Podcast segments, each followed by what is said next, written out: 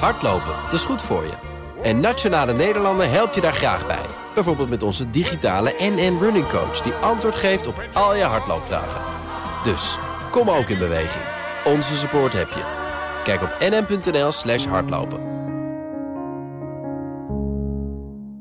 Dit is de Oekraïne Ochtend Update. Mijn naam is Geert-Jan Haan. En ik ben Bernard Hammelburg. We praten hierbij over de laatste ontwikkelingen in Oekraïne. En de gevolgen voor en de reacties van de buitenwereld. Je vindt deze podcast in je favoriete podcast-app. Vanochtend opnieuw eh, in de regio Kiev allerlei aanvallen vanuit de lucht. De woordvoerder van president Zelensky zegt... Ja, er is kritieke infrastructuur geraakt door uh, drones uit Iran. Nou, dan heeft de Algemene Vergadering uh, vannacht de Russische annexatie van de vier regio's van Oekraïne veroordeeld. 140 landen, althans 35, onthielden zich van stemming 5 tegen. En een Amerikaans bedrijf gaat, uh, technologie, heeft technologie verkocht aan de maker van Russische raketten. Ook allemaal niet zo handig. Het bedrijf in kwestie Extreme Networks denkt dat dat komt door een tussenpartij. Nou, dit, deze zaken gaan we eigenlijk allemaal bespreken met buitenlandcommentator Bernard Hamburg. Bernard, goedemorgen. Goedemorgen. En met Europa-verslaggever Geert-Jan Haan. Geert-Jan, goedemorgen. Dag Bas. Ja, eerst even naar jou. Die luchtaanvallen. Uh, die zouden zijn uitgevoerd met Iraanse kamikaze drones. Hè? Dus drones voorzien van explosieven. is dat, is dat een, een hard verhaal? Het is wel een plausibel verhaal op basis van de afgelopen dagen. En het is niet alleen in de regio Kiev uh, gebeurd, maar ook uh, in andere delen in Midden- en West-Oekraïne. Um, en in Mykolaiv, uh, die Zuid-Oekraïnse stad, die eigenlijk uh, ook al uh, qua vernietiging inmiddels begint te lijken op een versie van Mariupol. Uh, ook daar is uh, uh, weer wat, wat gedropt.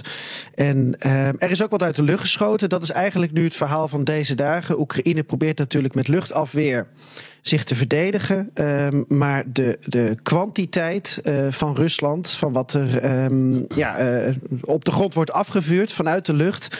Dat is bijna niet meer tegen te houden. En daarom uh, zie je dus ook bij de NAVO-top die oproep van Zelensky tot meer luchtafweergeschut. Precies. Maar het is een groot offensief van de, van de, Russen.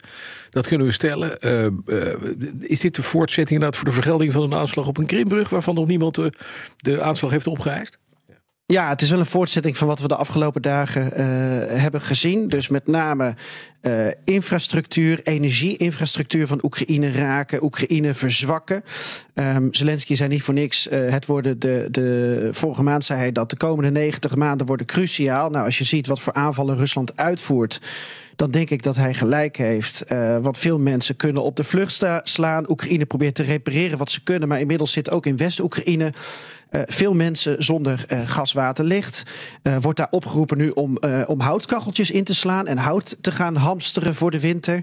Dus ja, als je dat voor 40 miljoen mensen moet doen, ja. dat is nogal een opgave, Bas. En de nuance die je maakt over die Krimbrug vind ik een terechte, want we weten inderdaad uh, nog steeds niet wat het daadwerkelijke verhaal is. En ik zou zeker niet uitsluiten dat Rusland om allerlei interne redenen ook zelf achter die aanslag op die Krimbrug zou hebben ja, gezeten. Ja, ja. Ook als je kijkt naar wat uh, het uiteindelijke effect was en het belang voor Oekraïne om het op dat moment te doen. Het is een ander verhaal, maar we moeten niet te veel meegaan in het narratief van Poetin, die dan zegt: ja, dit is een vergelding voor de actie op de Krimbrug. Uh, Rusland heeft al vaker in het verleden iets gezegd wat in de praktijk diametraal anders uitpakte. Inderdaad, dat is duidelijk. Ik leg de bal even in het midden, heren. Dat is deze. Uh, op het moment dat we zo'n zo'n zo'n offensief zien van, van Poetin, geeft dat migratiestromen. Dat is denk ik ook een belangrijk verhaal voor hem. De disruptie van, het, van, de, van de ogenschijnlijk toch redelijke, relatieve rust in het, in het westen van, van de Oekraïne. Die verstoor je hier wel mee. Daar krijg je migratiestroom mee op gang. Dat zorgt er ook voor dat, ja, dat troepenbeweging van het Oekraïnse leger vermoeilijkt worden. Dat er minder eten komt misschien. Dat er erg anders gestoken moet worden. Hoe moeten we dat zien? Kan dat inderdaad een agenda zijn van Poetin? Ik denk op basis van de afgelopen weken en maanden uh, dat dat zeker het geval kan zijn. Dat elk uh, bijeffect, neveneffect van het starten van die oorlog in Oekraïne, uh, dat dat een gevolg kan hebben. Een effect op Oekraïne. het moraal wat in de problemen raakt. families die uit elkaar gescheurd worden. het ontwrichten eventueel van, van West-Europa. ons opzadelen met, met miljoenen mensen ja. waar we voor willen zorgen. Um, dat zal allemaal uh, uh, meespelen. Tegelijkertijd heeft Zelensky ook zelf natuurlijk een paar weken geleden gezegd: Mensen, als je nog- nog in Oost- of Zuid-Oekraïne zit, ga daar weg. Eh, want dan heeft het leger van de Oekraïnse kant ook vrijer spel. Maar ook, we weten niet of we voor jullie allemaal kunnen zorgen. Gek genoeg zou je dus ook kunnen stellen, als mensen wegtrekken eh, voor de winter, zijn ze misschien beter af in andere landen dan in eigen land. Maar ik snap ook heel goed dat ze huis en haard niet willen verlaten. Duidelijk. Bernard, eventjes naar eh, die Verenigde Naties Algemene Vergadering gisteren. Hè, 140 mensen tegen, of 140 leden van de 103 Verenigde 143. 143, ja. Ja, is niet zo onbelangrijk, Nee. eh, Bas. Want het waren de vorige keer Er veel, hè? 141. En de verwachting tot gisteren was dat ze blij mochten zijn als ze net de 100 zouden halen. Dus het is meegevallen. Eh, er zijn meer landen geweest die nu tegen Rusland hebben gestemd. zijn ook belangrijke landen bij, als bijvoorbeeld Brazilië. Dat is toch een echt heel groot en belangrijk land. Hongarije, Servië in Europa hebben ook eh, meegestemd met die resolutie. Dus het is, hij is wat breder aangenomen dan eh, werd verwacht. En dat eh, Biden zei ook terecht, het is naar mijn idee, het is een heel belangrijk signaal. Aan de andere kant, ja, het is niet de hele VN die Rusland veroordeelt. Eh, dus ja, het is. eh, je, je, je- bij dit soort dingen, de, de Veiligheidsraad, als die een veroordeling doet, dan heeft dat eh, eh, rechtskracht. Hè? Ja, implicaat dit niet. Maar, en dit is alleen maar een, een, een politieke kwestie, maar het is toch niet onbelangrijk. Nee, nee, precies. En dit kan misschien ook nog andere landen aan het kantelen brengen. Maar oké, dit is tot zover. de Ja, dat, ja. dat is best een goede. De vraag is, China en, en India hebben zich volgens verwachting Ja. weer onthouden. Ja, precies. Maar eh, het moment komt, want die, die, die twee landen laten ook steeds duidelijker zien dat ze echt genoeg hebben van ehm, eh, wat de Russen doen. Hoewel ze, ze vallen ze niet formeel af. Mhm. Maar het, het, er komt een kantelpunt en dat zou heel belangrijk zijn. Ja. Nog eventjes naar, naar eh, vandaag. Overleg in Kazachstan tussen Erdogan en, eh, en, en Poetin. Dat is interessant. want Erdogan die balanceert op een diplomatiek slap koord, heb ik het idee. Hij heeft die graandeal eruit getrokken. Heeft Russische wapens gekocht in het verleden. Tot grote ongenoegen van de NAVO. Waar hij de tweede grootste bijdrage en partner is, van is. Maar verkoopt nu ook weer drones. Hè, die Turkse drones, eh, explosieve drones, aan Oekraïne. En praat dan met Poetin onder meer over een staakt het vuren. Wat eh, iedereen die ik spreek tot nu toe zegt, nou daar moet je niks van verwachten. Ben jij de nummer drie? Eh, ik ben nummer drie. Hm. Nou, daar moet je niet veel van verwachten. Ik hoorde het vanmorgen Joost Lagendijk Dijk ook al prima uitleggen.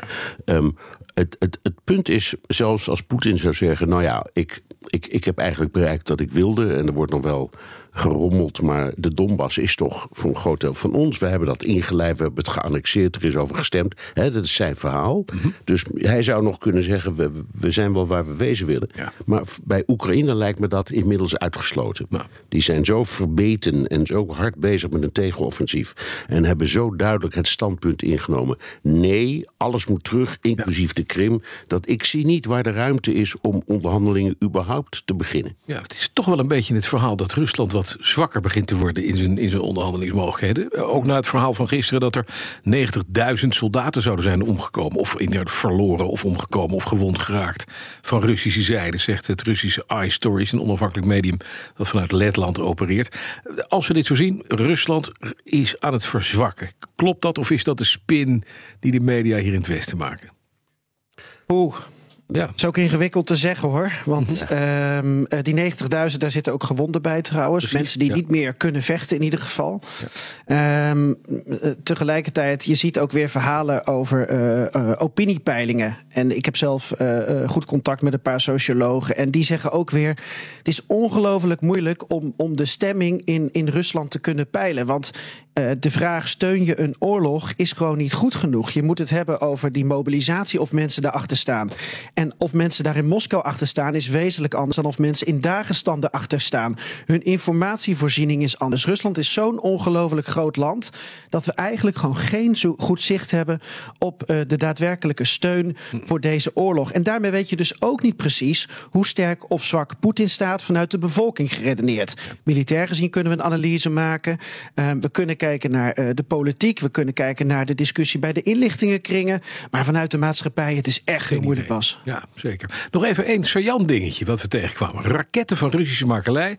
Daar zit alweer Amerikaanse technologie in. Dus de, iets, iets van, van Ja, de elektronica geloof ik, hè Bernard? Ja, ja nou het, gaat, het gaat om een, een, een IT-netwerk. Niet zoiets ingewikkelds. Maar het is een bijzonder IT-netwerk omdat het zichzelf kan onderhouden. Om maar even in lekentermen te spreken. Zonder aangesloten te zijn op het internet. Dus dat, dit is best een belangrijk onderdeel. Dat wordt gemaakt door een eh, Amerikaans bedrijf. Dat heet Extreme. En dat heeft die, uh, die IT. Uh, netwerken geleverd aan iets dat heet MMZ Avantgarde. Dat is een Russisch bedrijf. En die maken onder andere die S-400 raketten. Die, uh, waar, daar hadden we het net over. Die Erdogan destijds van Rusland heeft gekocht. Ja. Dat, zijn dus, dat zijn zeer geavanceerde afweerraketten. Even voor de duidelijkheid: het gaat om hele bescheiden bedragen. Het is uh, een kwestie van, van enige miljoenen. Uh, en, en zeker niet een miljardendeal. Alleen wat is hier nu gebeurd? Want die, dit soort dingen mag niet. Staat op de sanctielijst. En Extreme zegt, ja, daar zijn we het ook wel mee eens... maar we hebben zaken gedaan met een bedrijf... waarvan we dachten dat het in orde was. En dat bleek dan een front te zijn. Tja. Ja, het was gewoon een nepbedrijf. En dat liep dan allemaal via Cyprus... in een hele ingewikkelde constructie. Um, ik, mijn indruk is dat de klacht van de Amerikanen... want hier is het laatste woord nog niet over gezegd... is dat dat Extreme gewoon beter uit zijn doppen had moeten kijken. En minder had moeten denken in, met dollartekens in, In de oogjes. Ja. Ja, dat is een beetje het verhaal. Het is, het is een klein verhaal, maar het is wel belangrijk... omdat het waarschijnlijk een metafoor is voor dingen die elders in de westerse wereld ook gebeuren. Ja, in de wapenindustrie, absoluut. Precies. Ja. Je hebt een onderdeeltje leveren, je hebt geen idee aan wie... en het blijkt uh, terecht te komen in een Russisch wapen. Business Booster. Hey ondernemer, KPN heeft nu Business Boosters. Deals die jouw bedrijf echt vooruit helpen. Zoals nu, zakelijk tv en internet, inclusief narrowcasting... de eerste 9 maanden voor maar 30 euro per maand. Beleef het EK samen met je klanten in de hoogste kwaliteit. Kijk op kpn.com slash businessbooster. Business Booster.